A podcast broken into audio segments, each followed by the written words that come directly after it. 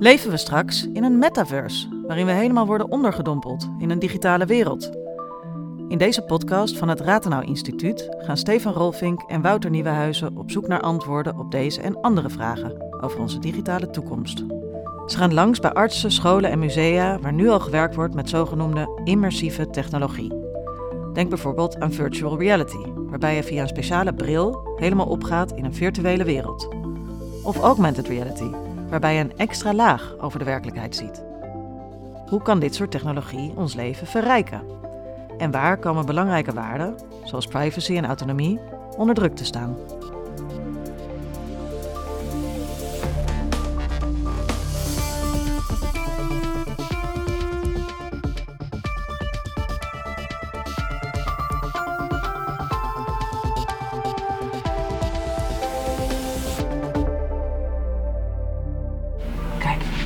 Zit, tussen, zit onder je wereld, tussen die eend en die wereld nu. You're in the underworld. In deze eerste aflevering gaan Wouter en Stefan langs bij Joris Weidom, docent en onderzoeker aan de Hogeschool voor de Kunsten in Utrecht. Joris begeleidt studenten van de master scenografie. Daarin leer je om een compositie, zoals een kunstopstelling, te maken in een bepaalde ruimte. Normaal gesproken een tentoonstellingsruimte of op straat. Maar nu draait alles om het bouwen van een digitale wereld. En het is gewoon enorm veel pret om te zien wat er allemaal gebeurt. Allemaal dingen die je niet verwacht. We staan nu eigenlijk eh, midden in eh, een blackbox studio. Uh, dat is niet een traditioneel klaslokaal met tafeltjes en stoeltjes, maar juist een open ruimte waarin mensen zich fysiek uh, kunnen verhouden tot dingen in VR. Daarom staan ze ook allemaal met VR-helmen op, mm -hmm. dat ze rond kunnen lopen, dingen oppakken. En we zijn natuurlijk ook al een beetje bezig om een soort fysieke ruimte, connecties te creëren. Dus vanuit die master scenografie gaat het natuurlijk heel erg om het combineren van een fysieke en een virtuele ruimte met elkaar. Daar kun je zien wat zij zien. Ja, oh ja. die aanklikken. Oké, okay, dan val je nu eerst naar beneden. Uh, maar straks kom je gewoon weer op de wereld terecht. En dan kun je daar makkelijk rondlopen met... Oh, uh, ja. Dus er is wel een gans-avatar. Dan heb je geen handen. En dan ben je inderdaad een soort gans met twee pootjes. En dan kunnen we met z'n allen als een stel ganzen er doorheen gaan. Ik vind het wel een interessant idee. Ja, dat lijkt me dan... Beetje... En dan springen we allemaal in die gans-avatars op het moment dat we de wereld binnenkomen. Oh, okay. Ja? ja? Straks horen we meer over het werk bij deze hogeschool. Maar eerst bespreken Stefan en Wouter wat immersieve technologieën zoals augmented reality, oftewel AR, en virtual reality, oftewel VR, precies zijn. En wat is de metaverse, waar je steeds meer over hoort? Wouter Nieuwenhuizen. VR, virtuele realiteit betekent in het Nederlands. En het is eigenlijk een technologie die ervoor zorgt dat je helemaal echt loskomt van deze wereld en je in een virtuele wereld stapt. Ja, augmented reality. Ja, in Nederlands is het misschien een beetje een gekke vertaling, maar ik zou het kunnen vertalen als verhoogde realiteit. Zegt Stefan Rolfink. Deze podcast maakt deel uit van het onderzoek van het Ratenau Instituut naar de invloed van immersieve technologie op de samenleving. Je stapt in een andere wereld en je verliest daardoor ook een beetje de connectie met, met deze wereld. Alhoewel, ja, je zou ook kunnen zeggen dat is ook gewoon een echte wereld. Maar goed, dat is iets voor later, denk ik. Augmented reality, hoe zou jij dat omschrijven? In tegenstelling tot VR, waar je eigenlijk de fysieke werkelijkheid uitgaat en dus een virtuele wereld instapt, is het bij augmented reality dat die virtuele wereld op een bepaalde manier naar onze fysieke wereld toe komt. Dus, dus uh, hoe het vaak ook omschrijven is dat je een soort digitale laag over de fysieke werkelijkheid legt. Mm -hmm. Uh, een, een, heel concreet voorbeeld daarvan, en wat veel mensen ook wel zullen herkennen, is uh, het spel Pokémon Go. Waarbij je door middel van je telefoon, je smartphone, um, dat je dat, de camera ergens op richt. En dat je dan door de, uh, op je beeldscherm dan over de wereld um, die je dan gewoon in beeld op de camera, dat daar bijvoorbeeld Pokémon figuurtjes opeens zichtbaar worden die dan in de rond rennen. Mm -hmm. En dan is de Pokémon figuurtjes natuurlijk de virtuele laag die over die fysieke werkelijkheid ligt. Oh. En die augmented reality is nog niet zo ver doorontwikkeld als virtual reality uh, devices. Dus je hebt nog niet um, bijvoorbeeld AR headsets of uh, AR brillen die eigenlijk heel breed al worden gebruikt. Mm. Uh, Google heeft dat wel al geprobeerd met een Google Glass, maar dat is tot nu toe is er nog geen grote. Ging niet goed, hè? Ja, op dit moment is het inderdaad nog niet echt een heel grootschalige consumentendoorbraak waar je dat nu al veel terug ziet. Maar goed, we hebben het nu over AR en VR gehad. Mm -hmm. Maar een van de redenen waarom we hier ook zitten met die podcast is ook naar de opkomende metaverse. En dat is ook wel een beetje het gehypte woord van nou ja, de afgelopen twee uh, jaar, zou ik zeggen. Ja. Wat is die metaverse? Ja, nou het is grappig, want ik heb die vraag uh, zelf ook nog wel. Uh, dus de metaverse is echt een term waar iedereen ja, van alles onder lijkt te scharen. Het is eigenlijk al best een, een oude term, bestaat al zo'n 30 jaar. Het komt uit een science fiction boek, Snow Crash van Neil Stevenson. Maar het wordt eigenlijk pas echt veel gebruikt sinds dat uh, Meta, dus het voormalige Facebook, heeft aangekondigd om uh, de naam te veranderen naar Meta. En dat heeft nou, veel reuring en, en, investeringen eigenlijk gecreëerd in het idee van die metaverse. Um, en zou je kunnen zeggen, het is een soort visie op de digitale toekomst. Een ander onderdeel is ook dat het nieuwe vormen van inkomsten um, kan opleveren voor mensen. Dus het wordt vaak verbonden met cryptocurrencies zoals Bitcoin, Ethereum, uh, nieuwe betaalmiddelen eigenlijk, die, die decentraler zijn en waar mensen op andere manier geld kunnen verdienen, bijvoorbeeld met, met virtuele mode. En een laatste element wat ik wel zou benadrukken is dat het ook veel mensen het idee hebben dat die metaverse kan zorgen voor meer zeggenschap voor gebruikers. Dus internet wordt nu erg, erg gedomineerd door grote online platformen, zoals een Facebook, een TikTok, een Instagram, een Twitter. Um, en het idee van, uh, van sommigen met die metaverse is dat eigenlijk juist wij als gebruikers dat, dat platform gedomineerde internet een beetje achter ons kunnen laten. We gaan terug naar de Hogeschool voor de Kunsten in Utrecht. Joris Weidom laat de studenten hun werelden presenteren aan anderen. My voice and presence are going to guide you through the portals.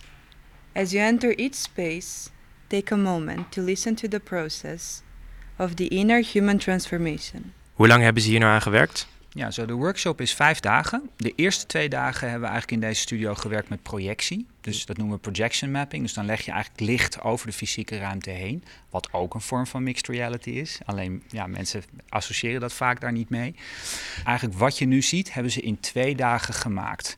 Wow. Dan moet je je voorstellen, je kan nog helemaal niks. Je weet geen eens hoe 3D werkt. Je hebt nog nooit iets met VR gedaan. En nu staat er dit. Heel knap. Ja, dat vind ik ook.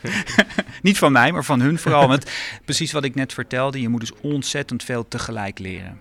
En dat zit hem eigenlijk op het niveau van de kwaliteit van de ervaring, soort dramaturgie van de ervaring die je hebt. Vervolgens, hoe ziet het er allemaal uit? Maar daaronder ligt nog de hele laag van, hoe doe ik dat dan überhaupt? Wat is 3D? Wat zijn plaatjes? Wat zijn, wat zijn teksten? Wat zijn geluiden? Hoe plaats ik dat in de ruimte? Wat is offline, online? Hoe doen we dat met elkaar? Hoe kan ik omgaan met, met schaal? Nou ja, eindeloze vragen. Mm. Um, en nou ja, wat je nu ziet is eigenlijk hun eerste proefopstelling. En dus in die zin beoordeel ik niet een eindproduct, maar eigenlijk een soort snapshot, een soort, soort fotomoment in tijd waarin je zegt, nou, nu even kijken hoe ver we zijn. Mhm. En ik weet zeker, als je ze zou vragen, is het af? Dat ze zeggen, nou, ik ben net begonnen. He, dus geef me nog een week en dan zou er iets heel anders staan. Ja. Ik ben wel heel erg benieuwd of er een ervaring, misschien wel een emotionele, impactvolle ervaring is geweest die jij hebt gehad met virtual reality, die jouw kijk op de technologie echt heeft veranderd? Of daar een moment, dat een moment is geweest? Um, ik raak iedere keer weer ontroerd als ik mijn studenten de eerste opdracht geef om hun binnenwereld te maken. Dus ik geef ze de tools die jullie vandaag gezien hebben. Dat is een sociaal uh, VR-platform, open voor iedereen, kan iedereen gebruiken. Het heet Niels VR. En ik geef ze dat eigenlijk als een soort Duplo is een soort speelgoedplek. En de opdracht is: maak je eigen binnenwereld. En dan kunnen ze dus in een eigen bubbel kijken hoe ze dat kunnen verbeelden. En nou, ze doen het allemaal op hun eigen manier. En daarna zeg ik: Vind je het oké dat we met elkaar op bezoek komen? Dus dan gaan we met de hele klas bij iedereen op bezoek in hun binnenwereld. En het is, het is wonderschoon en ontroerend om dat proces te volgen, omdat het niet meer gaat over dat jij iets probeert uit te leggen, maar eigenlijk je met elkaar iets eigenlijk heel persoonlijks ervaart, um, heel, heel intiem is, um, heel uh, ja, voorbij alleen maar gesproken taal gaat of, of uitleg, uh, maar echt een soort gedeelde ervaring wordt. En het, het valt me altijd op dat daardoor bepaalde mensen die misschien minder goed zijn in praten over hun binnenwereld, opeens wel een middel vinden om mensen uit te nodigen in hun wereld. Dus we hebben ook tijdens coronatijd gemerkt dat het heel veel eenzaamheid oplost. Dus we hebben heel veel dingen ook online in social VR gedaan. En de groepen die dat deden, die waren echt super happy met elkaar. Gedurende toch een vrije depressieve periode voor die jonge mensen. Dus ik zie dat, dat, daar kan ik heel veel anekdotes over vertellen, maar dat in zijn algemeenheid ontroert me eigenlijk iedere keer weer. Ja, ja ik heb een verzameling badeenden. Dat is ooit begonnen als een grap. En inmiddels uh, krijg ik van vrienden en familie krijg ik badeenden als ze ergens zijn geweest of wat dan ook maar. Dus toen dacht ik, ja, het zou gewoon grappig zijn om die dus in te laden in de virtual reality. Nou ja, badeenden kunnen over het algemeen niet echt bewegen. Uh, en ik, ik, kon niet een andere eend vinden die, uh, die als avatar kon maken. Dus toen, dat was een gans. Dus toen werd het een gecombineerde, gecombineerde wereld tussen uh, badeenden en gans eigenlijk. Dus het zegt ook echt iets persoonlijks over jou? Ja, op een bepaalde manier wel, ja. ja. Joris, wat heb je nu net gedaan? Ja, het, het, het is natuurlijk, eigenlijk is zijn uh, VR, uh, heeft te maken met heel veel technische tools. En net zoals uh, je kan niet zomaar piano spelen, je moet eerst het instrument leren kennen. Mm -hmm. Dus wat we eigenlijk aan het doen zijn, is zowel iets aan het ontwerpen, terwijl je ondertussen ook nog überhaupt moet snappen hoe het instrument werkt. Dus het is voor hun super intens. Ze zijn ook echt back af, want ze moeten eigenlijk op heel veel niveaus tegelijk dingen bedenken en leren. Okay, so everybody will take like three minutes and then we'll do the presentations. Jij hebt er net iets uitgelegd, maar als docent zag ze jou helemaal niet. Jij zag wel wat zij zag. Hoe ja. is dat voor jou? Ja, het is een goede observatie, want zij zit in VR, dus zij zit in haar eigen ontworpen digitale wereld. Ik sta daar fysiek eigenlijk buiten, ik sta naast haar en we kijken met elkaar op een beeldscherm. Kijk ik met, door haar ogen eigenlijk met haar mee. En geef dus instructies wat ze moet doen. Mm -hmm. Maar ik kan het niet voordoen, want zij ziet mij niet. Nee. Dus het, het, is soms echt wel even zoeken van wat voor taal gebruik ik nou om hun te vertellen wat ze moeten doen. Ja. ja. Uh, het lijkt alsof het best een open proces is, het ontwerpen van zo'n uh, virtual reality ervaring. Waar beoordeel jij ze dan straks op als docent? Ja, dat is een, dat is een hele goede vraag. Uh, want het gaat natuurlijk niet om mijn persoonlijke esthetische voorkeur. Dus ik heb ze van tevoren eigenlijk een aantal uitdagingen gegeven. Bijvoorbeeld het mixen van een fysieke en een virtuele ruimte. En de vragen die ik daarover eigenlijk stel, is dat ze erover nadenken om dat interessant te maken. Ook dat is subjectief, dus ik ga niet zeggen het is niet interessant genoeg. Maar dan ga ik alleen maar vooral heel veel vragen stellen van hoe zou je het interessanter kunnen maken. Dus ik beoordeel hun met name eigenlijk op hun onderzoekende karakter en vermogen om langzaam die instrumenten ja, steeds meer in hun vingers te krijgen. En eigenlijk, dat moet je hun nu niet vertellen, maar ze hebben al langer voldoende, want ze hebben keihard gewerkt. en er gebeurt ook van alles, dus ik ben al hartstikke blij, maar dat weten zij nog niet. Robin Krijgsman werkt met de studenten mee. Hij heeft de bachelor Interactive Performance Design gedaan en probeert nu een antwoord te geven op de vraag wat echt precies betekent. Hebben wij nu ervaren wat de metaverse zou kunnen zijn? Voor mij, voor mij wel, ja. Ik denk dat de metaverse wel een term is die in de media en volgens Meta zelf veel kapitalistischer in is gesteld. Maar ik denk als je het als creatieve en sociaal creatieve hub beschouwt, dan hebben we dat vandaag meege meegemaakt. Ja, omdat ik denk dat de metaverse, hoe wij het willen beschouwen, ook niet uitsluit dat wij fysiek samen zijn. Dat we juist elkaar digitaal en fysiek tegemoet kunnen komen. Kun je dat nog iets meer uitleggen? Nou, omdat er, net, waren vier kunstenaars uh, in de ruimte tegelijk aan het werk, maar ook aan het presenteren, aan het delen. Er werd heel snel werden virtuele werelden werden gebouwd. Ze konden bij elkaar gaan kijken, fysiek, maar ook gewoon online bij elkaar inspringen om de wereld te komen bekijken. Dus het werd heel gelaagd. Die artistieke maakprocessen worden heel gelaagd. Normaal heb je, is het lastiger om je werk en je, vooral je denkprocessen te delen. Je hebt wat schetsen, maar de schetsen komen nooit helemaal uit hoe je denkt dat het is. En nou helemaal als het over 3D-ruimtes gaat, dan is het heel moeilijk om aan iemand te vertellen van dit is het idee dat ik heb. En dan zie je rood licht op het moment dat je binnenkomt. Terwijl nu, ze bouwen het. En dat, dat heeft zo'n ongelooflijk toegevoegde waarde ten opzichte van gewoon iemand vertellen of via schetsen of een storyboard-achtige 2D manier. Wat merk je dan dat het met jou doet als je in zo'n ervaring bent? Um, ik denk dat de verhoudingen tussen, tussen elkaars lichamen en hoe de, hoe de lichamen verhouden met elkaar in de ruimte, zowel digitaal als fysiek, als dat ineens samenkomt en gaat mixen, dan gaat er voor mij gewoon hele perspectieven over wat ik van de wereld of van mensen denk, die veranderen gewoon in het moment. En hoe dat dan in scène gezet wordt, dat verandert die relaties tussen ons als mens gewoon. En ik denk dat we daardoor dichter bij elkaar en bij onszelf komen. En, en dat dat gewoon zo op elkaar gelaagd is, is fantastisch, vind ik. Dus dat die grenzen tussen echt en nep vervagen is eigenlijk juist goed? Ik zou het woord nep ook niet gebruiken, want het zijn twee keer echt. Je hebt heel veel lagen van echt. En, en doordat jij iets digitaals maakt, wat ook echt is, gaan wij fysiek elkaar ineens anders bekijken en ons anders verhouden. tot elkaar. Wat misschien tot iets komt wat je wel zou kunnen zeggen. Dat is nog echter dan wat we eerst hadden. Wouter en Stefan gaan meemaken wat onderdompeling met je kan doen. Ze gaan samen met docent Joris naar het Centrum voor Mediacultuur Impact in Utrecht. Daar is een ruimte ingericht waar je kan rondlopen in de werken van beeldend kunstenaar Constant Nieuwenhuis. Je hoort hier enkele fragmenten uit die wereld. Meneer, meneer, heeft u misschien een paar bitcoin voor mij? Gewoon een paar maar. Ja, ik heb gisteren onder een portaal geslapen en door deze crisis ben ik mijn baan kwijtgeraakt. Een halve bitcoin dan?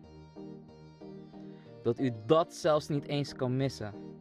De mensen in Nieuw-Babylon zijn Ik ook zou nu echt weglopen. allemaal hetzelfde. Anders blijft hij Zo door praten. harteloos.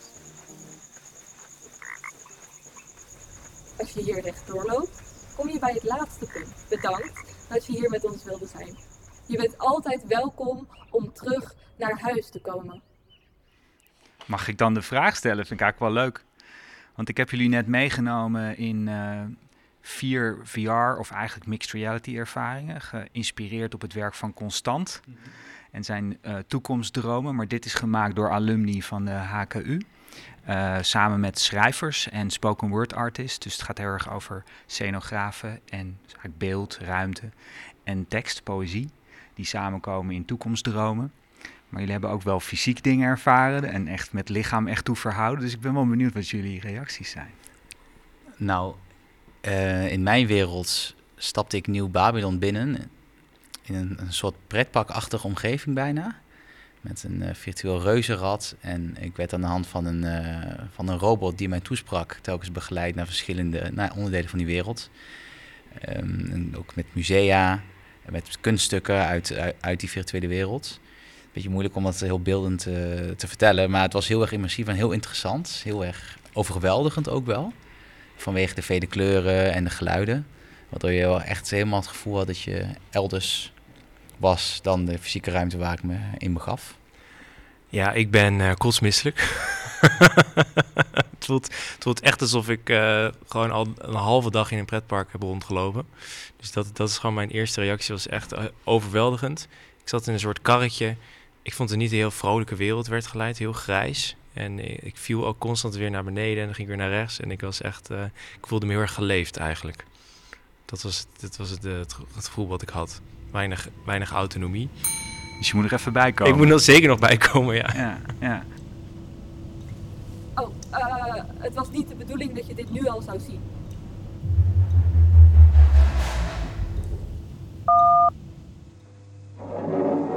Vanaf hier zijn er straatlantaarns.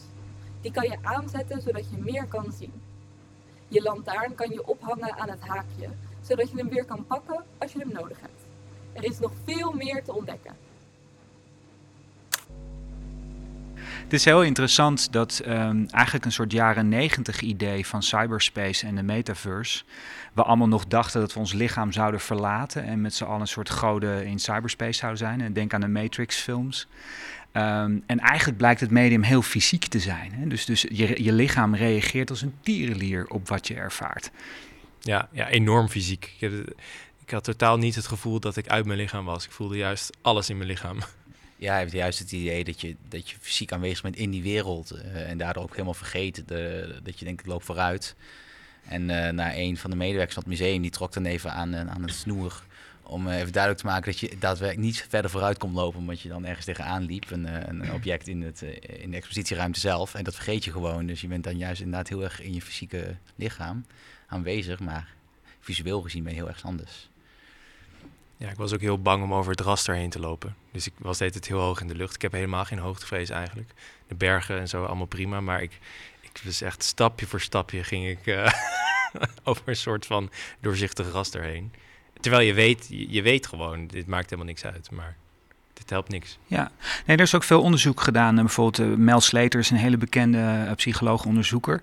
Die ook echt wel heeft laten zien dat je, van wat noemen we dan, embodiment in, in goed Nederlands, dus de, belichaamd zijn. Dat eigenlijk het een soort, soort simpele neurologische systemen reageren volledig alsof het echt is. Terwijl je, en dat is heel belangrijk dat je dat zegt, cognitief weet dat het niet zo is. Dus je zit eigenlijk in een heel raar soort ervaring, waarbij je gewoon bijna, nou misschien inderdaad geleefd wordt door je eigen lichaam die reageert Ehm, dus dan, dan krijg je inderdaad wel interessante vragen over: ben ik in controle? Waar ben, waarover ben ik dan in controle? Hoe werkt mijn perceptie eigenlijk? In welke wereld ben ik nou?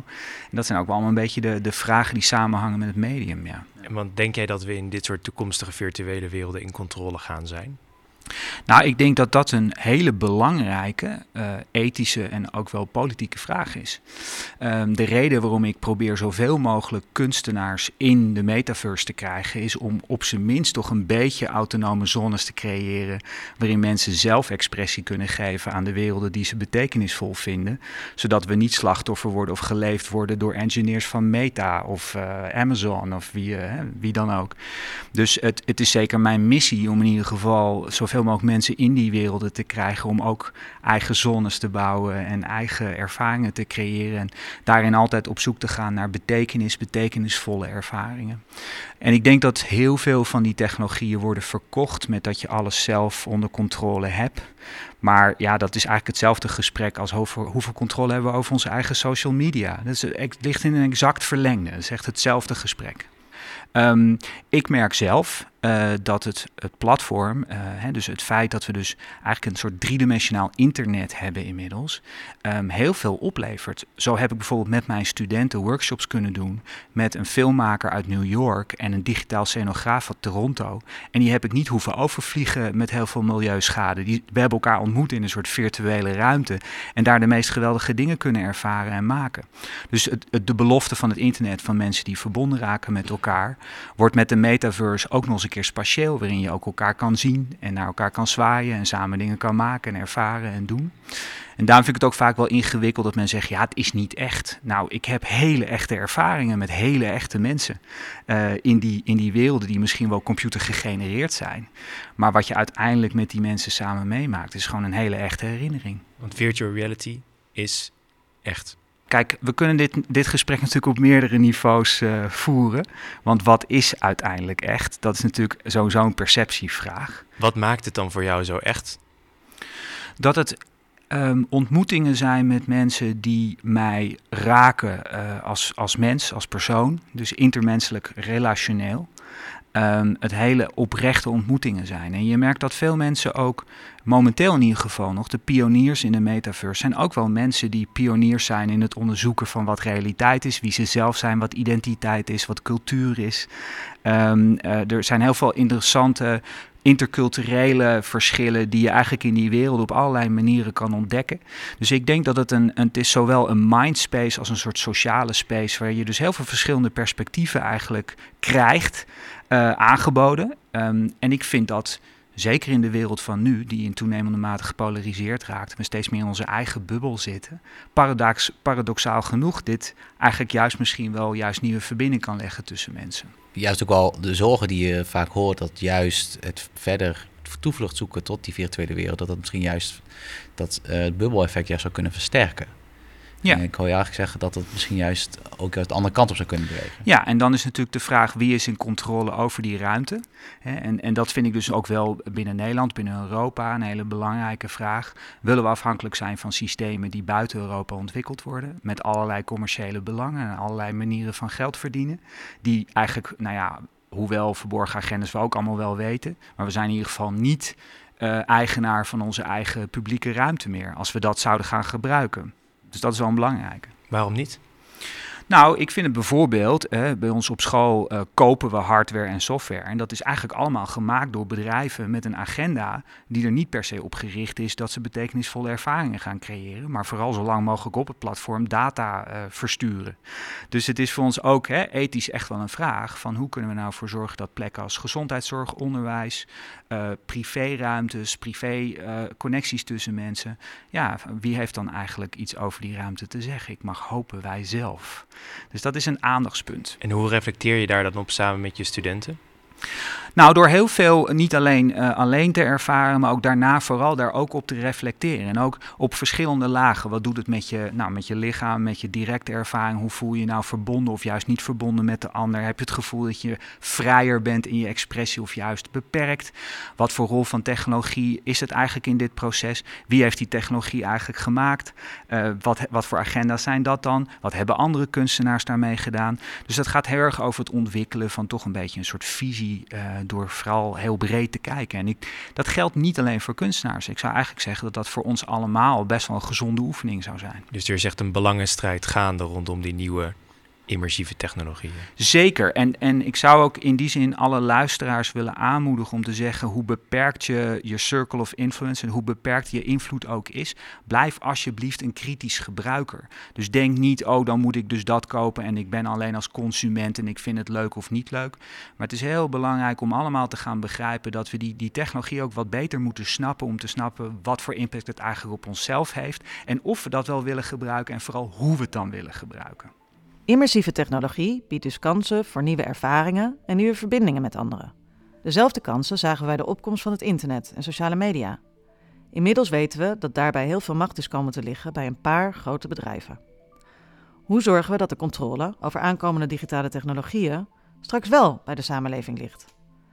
Dat is een van de vragen die centraal staan in het onderzoek van Wouter en Stefan bij het Rathenau Instituut. Tot zover de onderdompeling voor nu. Luister ook naar de volgende aflevering, waarin we duiken in het gebruik van virtual reality technologie in de gezondheidszorg. We gaan onder meer in gesprek met Tilo Hartman, hoogleraar virtual reality en communicatie aan de Vrije Universiteit in Amsterdam. Hij onderzoekt hoe onze hersenen reageren op virtuele ervaringen. Ook bezoeken we een kliniek voor geestelijke gezondheidszorg, waar gebruik wordt gemaakt van VR tijdens de therapie.